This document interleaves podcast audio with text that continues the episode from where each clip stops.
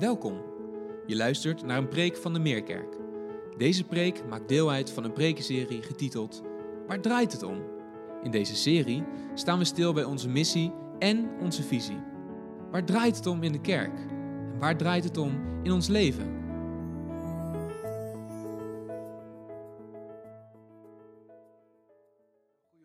Allemaal, ook van mijn kant. Uh, we zitten nog steeds in onze prekenserie. De prekenserie Waar draait het om? We hoorden het net al ingesproken op onze podcast. En we hebben, de prekenserie zijn we gestart aan het begin van ons seizoen. We hebben gesproken over de drie V's, verbinden, verootmoedigen en voorleven. Gevolgd door onze missie, geraakt door de liefde van Jezus Christus en geroepen om Hem samen te volgen en van Zijn liefde te getuigen. En we zijn aangekomen nu in de schijf van vijf, onze visie. En Treja noemde het al, we zijn begonnen bij woord, toen gebed gehad, zending vorige week met Wiggelen die daar sprak en nu aangekomen bij zorg. En het thema van vandaag is inderdaad lichamelijke verzorging. En misschien net als Trea zal jij misschien wel thuis of in de auto denken, ik ben heel benieuwd waar hij het over gaat hebben en wat hij erover te zeggen heeft. Ik heb in ieder geval, uh, goed om mee te geven alvast, als het gaat om lichamelijke verzorging, mijn hoofd gepoederd hier achter het uh, Want anders zou je zo'n glimmende kerstbol in uh, beeld hebben. Nou, dat gelukkig niet. Dus ik heb wel iets gedaan aan lichamelijke verzorging. En misschien zeg je wel, daar is het ook bij gebleven. Maar we gaan het vandaag hebben over iets anders. Namelijk het lichaam van Christus, die verzorging nodig heeft. En wij die dat lichaam vormen. Vandaag gaan we dus kijken eigenlijk naar een hoofdstuk. En Trea noemde het al, we gaan een heel hoofdstuk bekijken. Het hoofdstuk van een eerste brief aan de gemeente uh, van Korinthe, die Paulus geschreven heeft. En het is goed om een beetje context te schetsen als we kijken, uh, voordat we gaan kijken naar dat hoofdstuk. De gemeente Korinthe, of de stad Korinthe, was een welvarende havenstad. En Paulus heeft daar rond het jaar 50 een gemeente gesticht, die voornamelijk bestond uit mensen die heiden waren. En al snel ging het helemaal fout in die gemeente, want er waren verschillende groepen ontstaan die allemaal hun eigen ideeën hadden, wat uiteindelijk ervoor zorgde dat er enorme verdeeldheid kwam binnen die gemeente. En Paulus benadrukt juist in deze brief het belang van eenheid, juist in de kerk. Hij noemt zelfs dat dat onze roeping is. Het is onze roeping om een eenheid te vormen. En, zo schrijft hij ook in deze brief, daarom heeft hij besloten om geen andere kennis over te dragen dan alleen maar die van Jezus Christus, de gekruisigde en opgestane Heer. Om eventjes het grote plaatje te schetsen van deze hele brief. Uh, deze hele brief heeft eigenlijk vijf hoofdpunten. En dat is een beetje de context waar de verdeeldheid in deze gemeente ook in zit. Hoofdstuk 1 tot en met 4 gaat bijvoorbeeld over voorkeuren. Mensen hadden bepaalde voorkeuren naar andere mensen. Ze zeggen, ik ben van Paulus, de ander zegt, ik ben van Petrus, ik ben van Apollos. En Paulus zegt, wat is Apollos en wat is Paulus? Zijn zij niet meer dan dienaren die u tot geloof hebben gebracht, beide op een wijze die de Heer hun heeft geschonken? Dan gaat hoofdstuk 5 tot en met 7 gaat over immoraliteit, over het huwelijk, over seksualiteit. En Paulus roept juist op om te leven naar Gods maatstaven, Gods morele maatstaven, en niet het op een akkoordje te gaan gooien met onze eigen zondige gedrag. Hoofdstuk 8 tot en met 10 gaat over de vrijheid om, om te eten wat we willen. We zijn vrij om te eten wat we willen, maar die vrijheid betekent niet dat we ongevoelig moeten zijn en ongevoelig moeten omgaan met de gevoelens van anderen. Hij schrijft, laat je liefde je daden bepalen. Hoofdstuk 11 tot en met 14 gaat over de eredienst, over de samenkomsten. En daarvoor zegt Paulus, zorg dat die diensten harmonieus zijn, ordelijk, nuttig en welke eerbiedig zijn en heilig voor God. Waar de gaven niet misbruikt worden, maar de gemeente juist wordt opgebouwd. En dan wijdt Paulus nog één hoofdstuk, hoofdstuk 15, aan de opstanding, waarvan sommige mensen ook twijfelden of die daadwerkelijk gebeurd was. Nou, het typerende is dus, als we al deze hoofdstukken bij elkaar hebben en in gaan zoomen op hoofdstuk 12. Het typerende is juist dat dat hoofdstuk 12 voor zo ontzettend veel verdeeldheid zorgt in de, in de wereld, in de kerk van de wereld waarin we leven. En het typerende is dat het juist in essentie geschreven is om die verdeeldheid aan te kaarten en op te lossen. Dat willen we dus ook vandaag doen. We gaan uh, dit hoofdstuk opdelen in vijf punten. Uh, we gaan nadenken over verdeeldheid, gaven, het lichaam, de zorg voor elkaar en de eenheid. En ik wil dus lezen 1 Korinthe hoofdstuk 12, het hele hoofdstuk. Ik hoop dat je niet verveeld raakt door het lezen van de Bijbel. En misschien is zo'n heel hoofdstuk juist wel heel erg goed en nuttig om de context te zien, ook binnen dit hoofdstuk waar we over gaan nadenken. 1 Korinthe hoofdstuk 12, het hele hoofdstuk. En ik lees vanuit de MBV-vertaling. Daarboven staat veel gaven, één geest. Broeders en zusters, over de gaven van de geest wil ik het volgende zeggen. Zoals u weet, was u in de tijd dat u nog heidenen was, volledig in de ban van goden die taal nog teken geven. Daarom zeg ik u nadrukkelijk, niemand kan ooit door toedoen van de geest van God zeggen, vervloekt is Jezus. En niemand kan ooit zeggen, Jezus is de Heer, behalve door toedoen van de Heilige Geest. Er zijn verschillende gaven, maar er is één geest. Er zijn verschillende dienende taken, maar er is één Heer. Er zijn, er zijn verschillende uitingen van bijzondere kracht, maar er is één God die ze allemaal en bij iedereen teweeg brengt. Dan komt er een aantal voorbeelden van die gaven. Vanaf vers 7. In iedereen is de geest zichtbaar aan het werk ten bate van de gemeente. Aan de een wordt door de geest het verkondigen van wijsheid geschonken, aan de ander door diezelfde geest het overdragen van kennis. De een ontvangt de geest van een groot geloof, de ander de gave om te genezen. En weer anderen de kracht om wonderen te verrichten, om te profiteren, om te onderscheiden van wat wel en wat niet van de geest afkomstig is, om in klanktaal te spreken of om uit te leggen wat daarvan de betekenis is. Al deze gaven worden geschonken door één en dezelfde geest, die zijn iedereen afzonderlijk toebedeeld, zoals hij dat wil.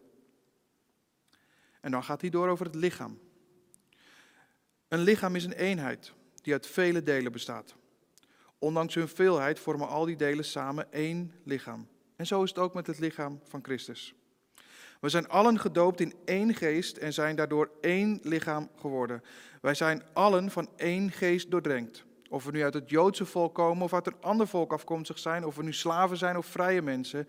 Immers, een lichaam bestaat niet uit één deel, maar uit vele. Als de voet zou zeggen, ik ben geen hand, dus ik hoor niet bij het lichaam, hoort hij er dan werkelijk niet bij? En als het oor zou zeggen, ik ben geen oog, dus ik hoor niet bij het lichaam, hoort hij er dan werkelijk niet bij? Als het hele lichaam oog zou zijn, waarmee zou het dan kunnen horen? En als het hele lichaam oor zou zijn, waarmee zou het dan kunnen ruiken? God heeft nu eenmaal alle lichaamsdelen hun eigen plaats gegeven, precies zoals Hij dat wilde. Als ze met elkaar slechts één lichaamsdeel zouden vormen, zou het dan een lichaam zijn. Het is juist zo dat er een groot aantal delen is en dat met elkaar één lichaam vormen. Het oog kan niet tegen de hand zeggen: Ik heb je niet nodig. En het hoofd kan even min tegen de voeten zeggen. Integendeel, Juist die delen van het lichaam die het zwakst lijken, zijn het meest noodzakelijk.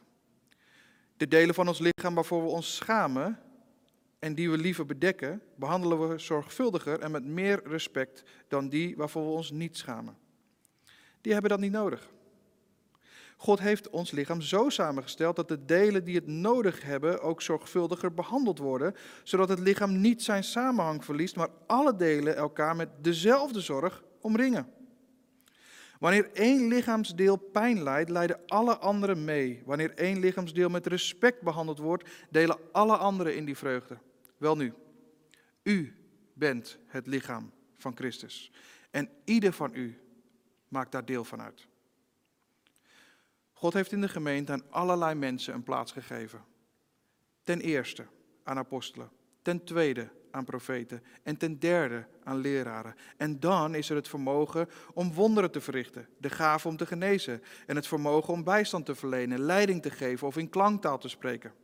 En dan komen er een aantal retorische vragen van Paulus. Is iedereen soms een apostel of een profeet? Is iedereen een leraar? Kan iedereen wonderen verrichten? Of kan iedereen genezen? Kan iedereen in klanktaal spreken? En kan iedereen die uitleggen? Paulus geeft het advies richt u op de hoogste gave. Maar eerst wijs ik u op een weg die nog voortreffelijker is. Tot zover Gods woord. 1 Korinthe hoofdstuk 12. Als we deze woorden lezen, dan staan ze lijnrecht tegenover de situatie en de status waarin we ons momenteel bevinden als wereld. Tegenover de houding van vele mensen die ze momenteel hebben. Het gaat lijnrecht in tegen de polarisatie en het individualisme. En juist nu, ook nu, is daar de ernstige oproep tot eenheid in verscheidenheid. En actief deel te worden van een gemeenschap, het lichaam van Christus en de verzorging daarvan op te pakken. Anders te zijn. En het zijn de gaven van de geest die daarbij een hele belangrijke rol spelen. De gaven van de geest in Korinthe, waar het misging, is dat deze gaven werden op een gegeven moment een symbool voor geestelijke macht. Bepaalde gaven werden gezien als geestelijke, waardoor er een bepaalde gradatie ontstond en de een dus belangrijker werd gevonden dan de ander. Maar dat is niet het doel van de gave. Het doel van de gave is juist om de gemeente beter te laten functioneren en een ieder ander op te bouwen en te sterken. Zowel nu als toen kunnen we ons soms obsessief blind staren op bepaalde sensationele manifestaties van de geest. En Paulus zegt, een hoofdstuk verder, in hoofdstuk 13 en 14, stop daarmee als het de ander niet opbouwt. Het probleem in de gemeente van Korinthe en misschien wel ook bij ons in deze tijd waarin we nu leven, is niet het gebruiken van de gaven, maar het misbruiken ervan. En ik denk dat als we geneigd zijn alleen maar te verlangen naar die sensationele uitingen van de geest, dat we het risico lopen dat we gaan kijken naar andere kerken, andere conferenties, andere samenkomsten waar die manifestaties ontbreken en dan vervolgens te concluderen dat de geest daar dus niet aan het werk is. Je begeeft je dan op glad ijs. Het is juist deze denkwijze die de onderlinge verdeeldheid voedt. En daar waarschuwt Paulus voor. Maar hoe zit het dan precies met die gaven van de geest? De gaven van de geest, daar is een Grieks woord voor wat, wat staat voor charismata, genadegaven, waar wij het woord charisma, uitstraling, vandaan hebben. Het zijn geschenken, geschenken die, de God, die God zelf geeft aan een ieder afzonderlijk. Allemaal worden ze toebedeeld aan een ieder afzonderlijk. God bepaalt wie welke gave krijgt, maar elke gave is gebaseerd op de liefde. Daarom dat Paulus dat hoofdstuk eindigt met een weg die nog voortreffelijker is, de liefde. Hij schrijft zelfs dat de gaven waardeloos zijn als ze niet gebaseerd zijn op de liefde. Nog even goed om te weten, als we gaan hebben over de gaven van de geest, dan hebben we ook de vrucht van de geest. Misschien herken je dat nog wel, de gaven van de geest en de vrucht van de geest. Die twee zijn dus niet hetzelfde, die zijn apart van elkaar. De vrucht van de geest, als je dat wil zien, dan kan je vinden in Galaten hoofdstuk 5. Dat zijn negen karaktereigenschappen van wie God is. En die deel worden van een ieder mens die tot geloof komt. Die negen karaktereigenschappen worden allemaal deel van een ieder die tot geloof komt. En naarmate ons leven vordert, mogen we die steeds meer en meer gaan ontwikkelen. De vrucht van de geest, zo zouden we kunnen zeggen, dat is wat God wil zijn in ons. Wie God wil zijn in ons. De gave van de geest, dat is wat God wil doen door ons. En de gave van de geest, daarvan bepaalt dus God zelf wie welke gave krijgt. Beide, beide worden geactiveerd door geloof. Maar de gave richt zich op de opbouw van de gemeente. Om te bemoedigen, te sterken en op te bouwen. En als we kijken naar deze gaven, dan komen we dat eigenlijk eerder in de Bijbel al voor. Eigenlijk voor het eerst noemt Paulus dat wanneer hij een brief schrijft aan de gemeente in Rome. En Paulus schrijft dan in de gemeente naar Rome eigenlijk voor het eerst over de gaven, zoals Paulus daarover schrijft. Hij schrijft in de gemeente van Rome, in Romeinen hoofdstuk 1, vers 11 en 12.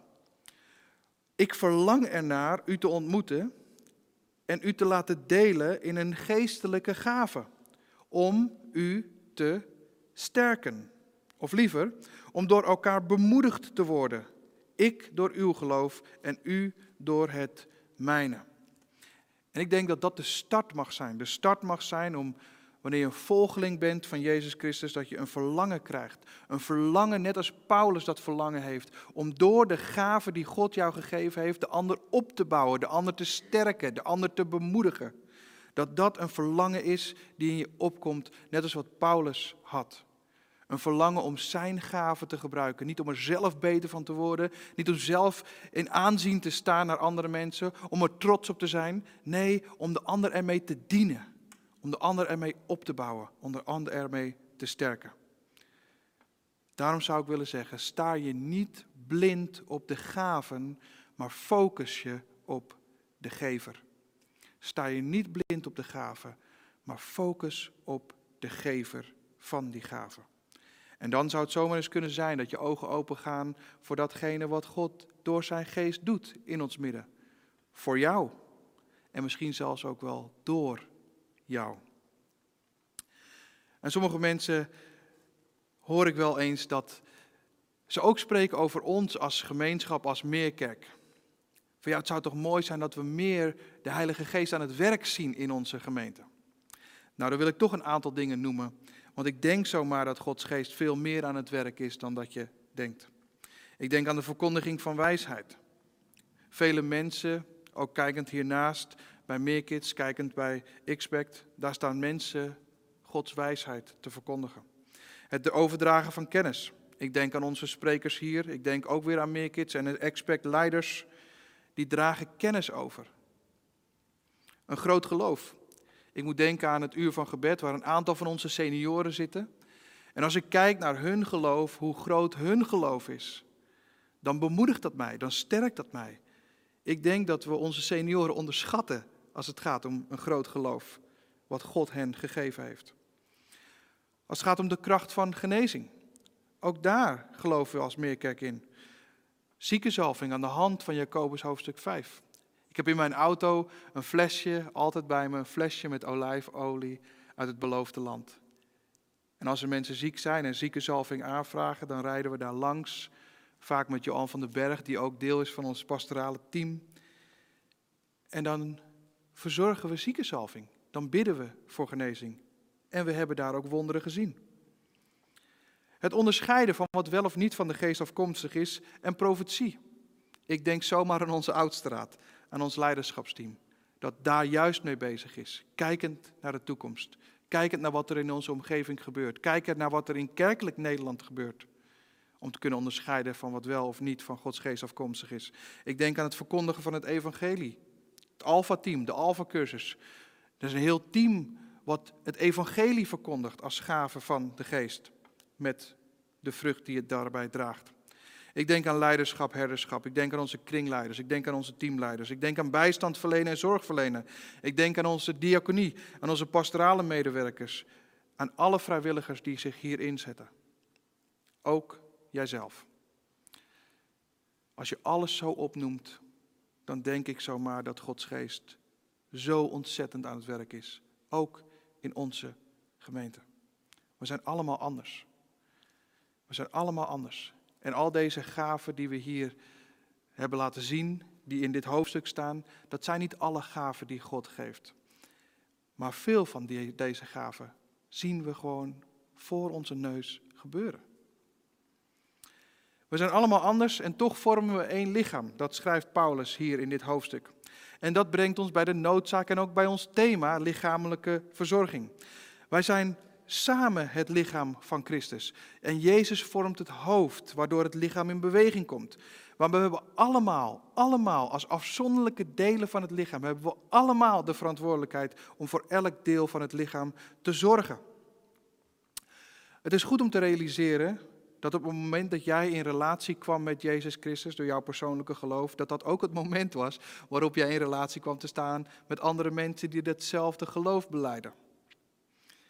Sommige mensen zeggen wel eens, ja, ik ben liever deel van het universele lichaam van Christus. Vaak als excuus, denk ik, om zich niet aan te sluiten bij een lokale gemeenschap. En Paulus spreekt ook over universeel lichaam van Christus. Als je de Efezebrief leest, dan zie je daar dat Paulus daarover spreekt. Maar veel vaker, veel vaker spreekt Paulus over, een lokale lichaam, over het lokale lichaam van Christus als kerk en de geestelijke noodzaak daar deel van te zijn. Veel, veel vaker. En als we kijken naar het lichaam, het metafoor van het lichaam, dan was dat heel vaak gebruikt. Paulus gebruikt dit metafoor om juist aan te geven het belang van een lichaam en de eenheid die dat vormt. Maar het was bekend.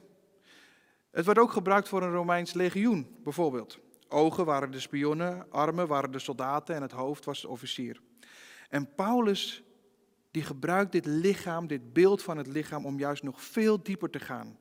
Niet om een rangorde te gaan bepalen, maar juist om aan te geven dat de kleinste, minst opvallende delen misschien wel het meest waardevol zijn en noodzakelijk. Nou, wij vormen met elkaar als gemeenschap het lichaam van Christus. Het lokale lichaam van Christus. We zijn een gezin. We zijn in die zin ook aan elkaar gegeven. Samen vormen wij het gezin van God. Hij is onze hemelse Vader, wat ons broeders en zusters maakt met dezelfde hemelse Vader. En we hebben ook een bloedband. Een bloedband die nog veel sterker is dan onze bloedbanden die we hebben met onze biologische gezinsleden. Namelijk, we zijn verbonden door het bloed van Jezus Christus.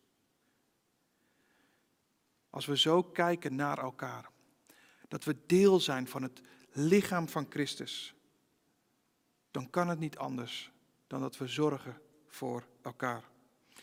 En daarom hebben we dit partje van de schijf van vijf ook deel laten worden van de schijf van vijf als onze visie. Dat we zorg hebben voor elkaar. En dan komen we bij het punt zorg. Die verantwoordelijkheid voor de zorg ligt dus bij ons allemaal. De zorg om te geven aan een ander, maar ook de zorg om het te vragen. Schroom niet om zorg te vragen aan een ander. We zijn geen domineesgemeente en dat willen we ook niet zijn. Dat willen we nooit zijn. We dragen allemaal onze verantwoordelijkheid om te zorgen voor alle delen van het lichaam. Met hetzelfde doel. En als het dan gaat om die lichamelijke verzorging, dan kijken we om naar elkaar. Zoals dit Bijbelgedeelte ook zegt. Alle delen omringen we met dezelfde zorg. Die zorg kunnen we niet leggen op één iemand die daarvan de lasten draagt. Nee, die dragen we allemaal met elkaar.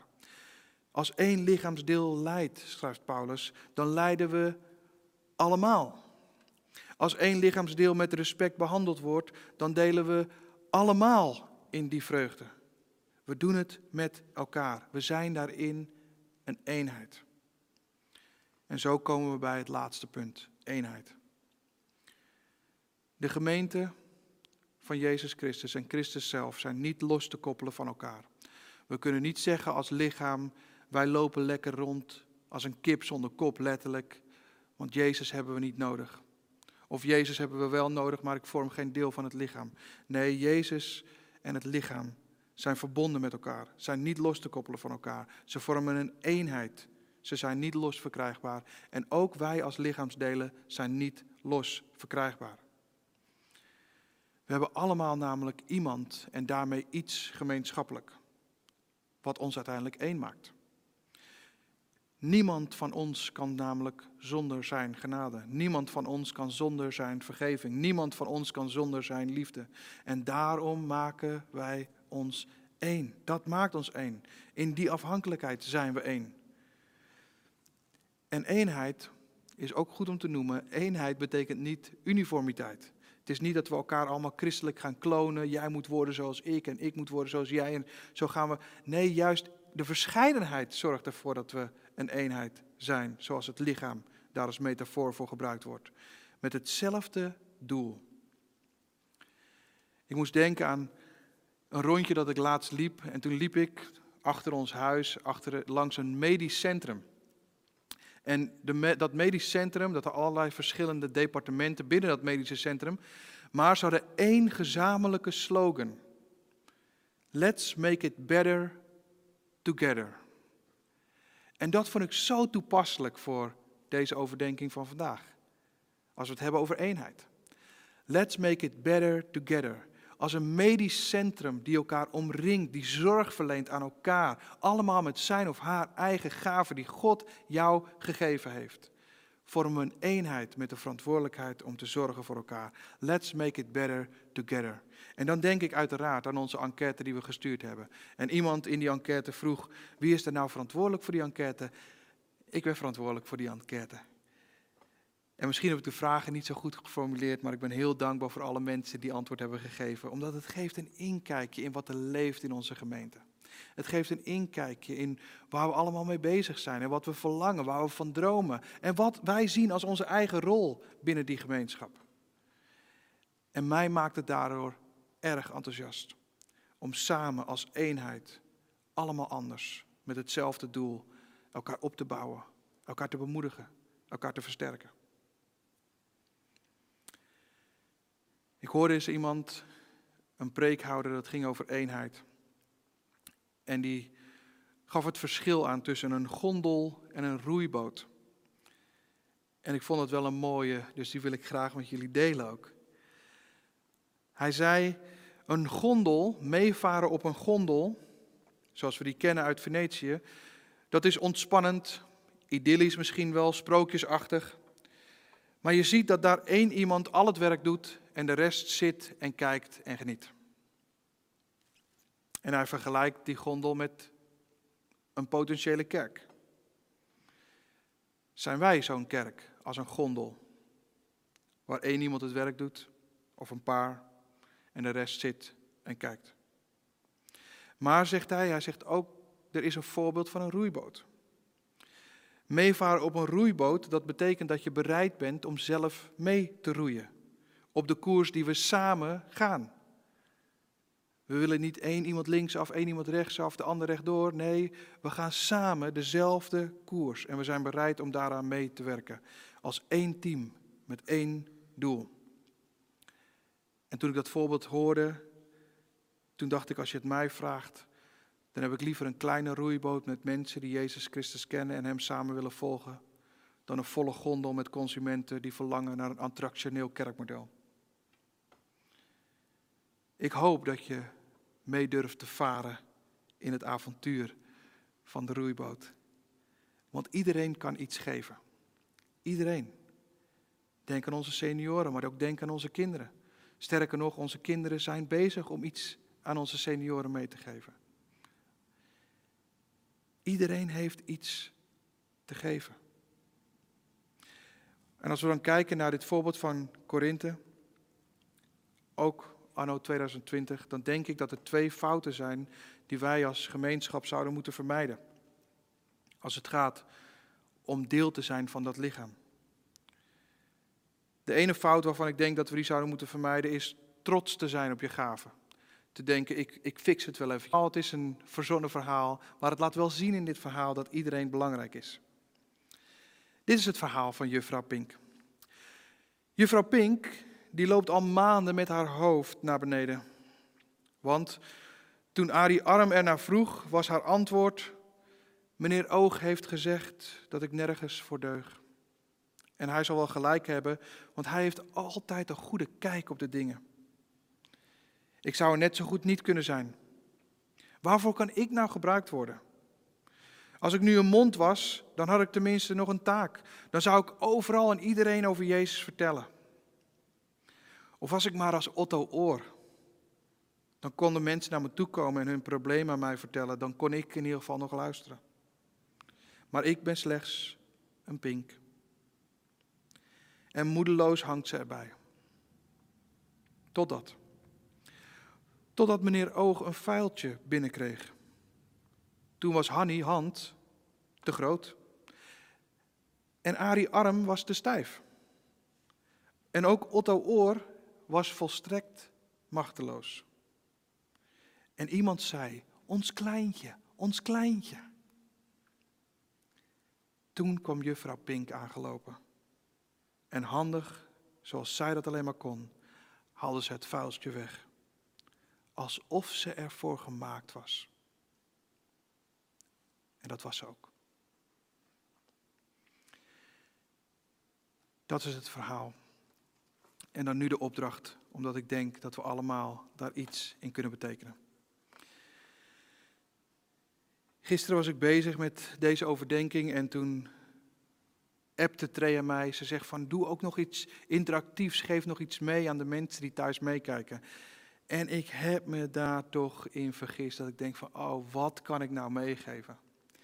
En ik raakte een beetje, ja, nee, niet de weg kwijt. Sommigen zullen zeggen dat ben je sowieso al, maar ik, ik, ik raakte toch een beetje in de stress dat ik dacht van ja, ik wil wel wat meegeven, maar wat dan? Toen, geloof ik, door God geleid, kwam er een kaart binnen. En deze kaart stond op voor Patrick van der Laan. En ik wil hem jullie voorlezen, want dit is tevens ook een opdracht. Lieve, knappe, intelligente, heldhaftige. Nee, nee, dat niet. Lieve Patrick, Wij zijn vandaag met Kring bij elkaar gekomen om kaartjes te sturen naar mensen aan wie we denken. En daarom willen we jou bedanken voor je harde werk voor de kerk en al jouw inzet voor anderen. Een kaartje gestuurd vanuit een meidenkring van onze gemeente. En toen dacht ik, dat is het. Dat zou ik als opdracht willen meegeven aan ons allemaal. Dat we God zoeken.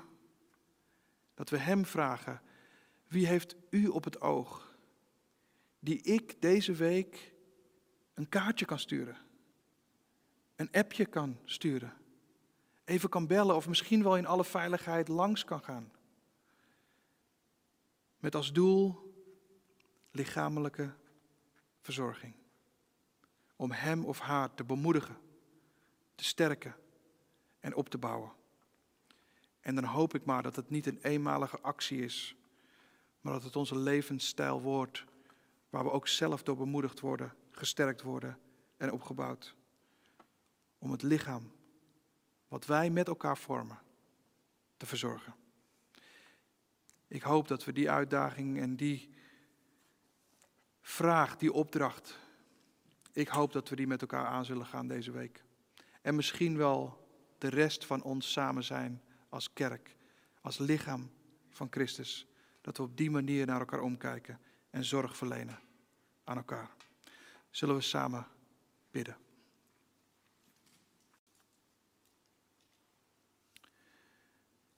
Nou Heer, als we dan na mogen denken over een onderdeel van onze visie, de visie die U ons gegeven heeft, de schijf van vijf.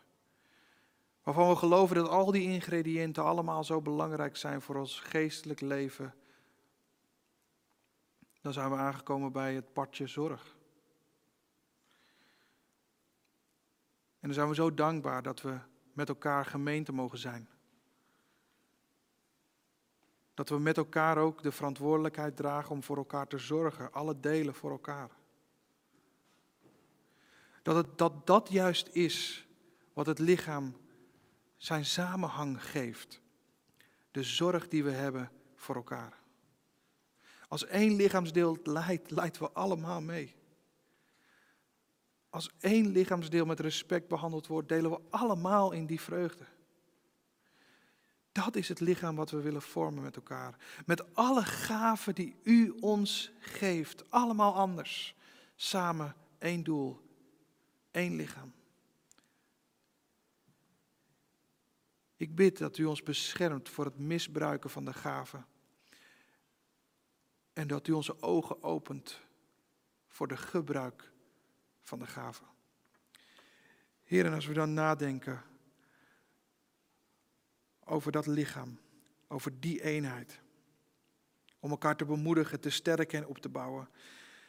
En als we dan een opdracht hebben meegekregen, dan hoop ik dat we die opdracht onder uw leiding mogen gaan doen. Dat we die opdracht serieus mogen nemen. Om tijd te nemen, om stil te worden, om u te zoeken, uw aangezicht te zoeken en iemand binnen onze gemeente in onze gedachten te krijgen dat we dan mogen weten, dit is van u. En dit is wat ik hem of haar wil schrijven, om te bemoedigen, om te sterken, om op te bouwen. Dit is wat ik hem of haar wil delen.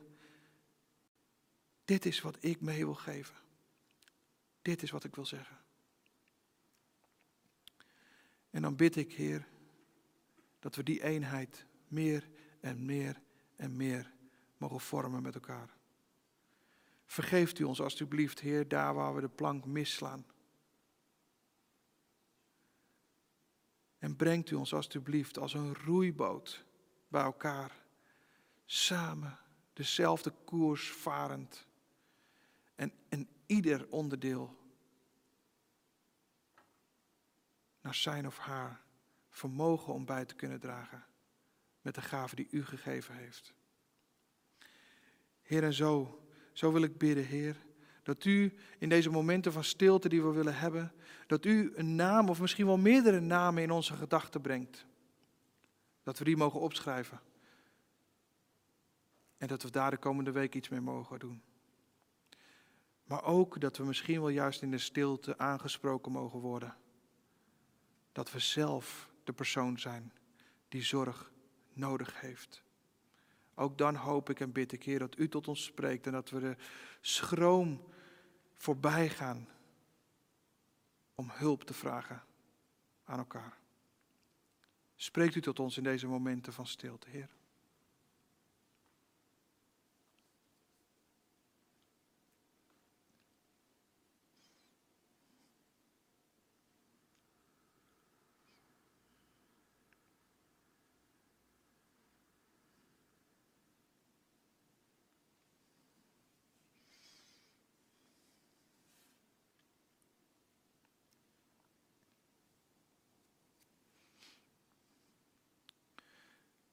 Dank u dat u spreekt. U bent de levende God, de Alpha en de Omega, het begin en het einde. U bent gisteren en vandaag en tot in eeuwigheid dezelfde. Geprezen zij uw grote naam, Jezus. Ik zie uit naar waar we naartoe mogen gaan als kerk. Onder uw leiding, onder uw bescherming. In de naam van Jezus. Amen. Fijn dat je hebt geluisterd. Voor meer informatie ga naar www.meerkerk.nl.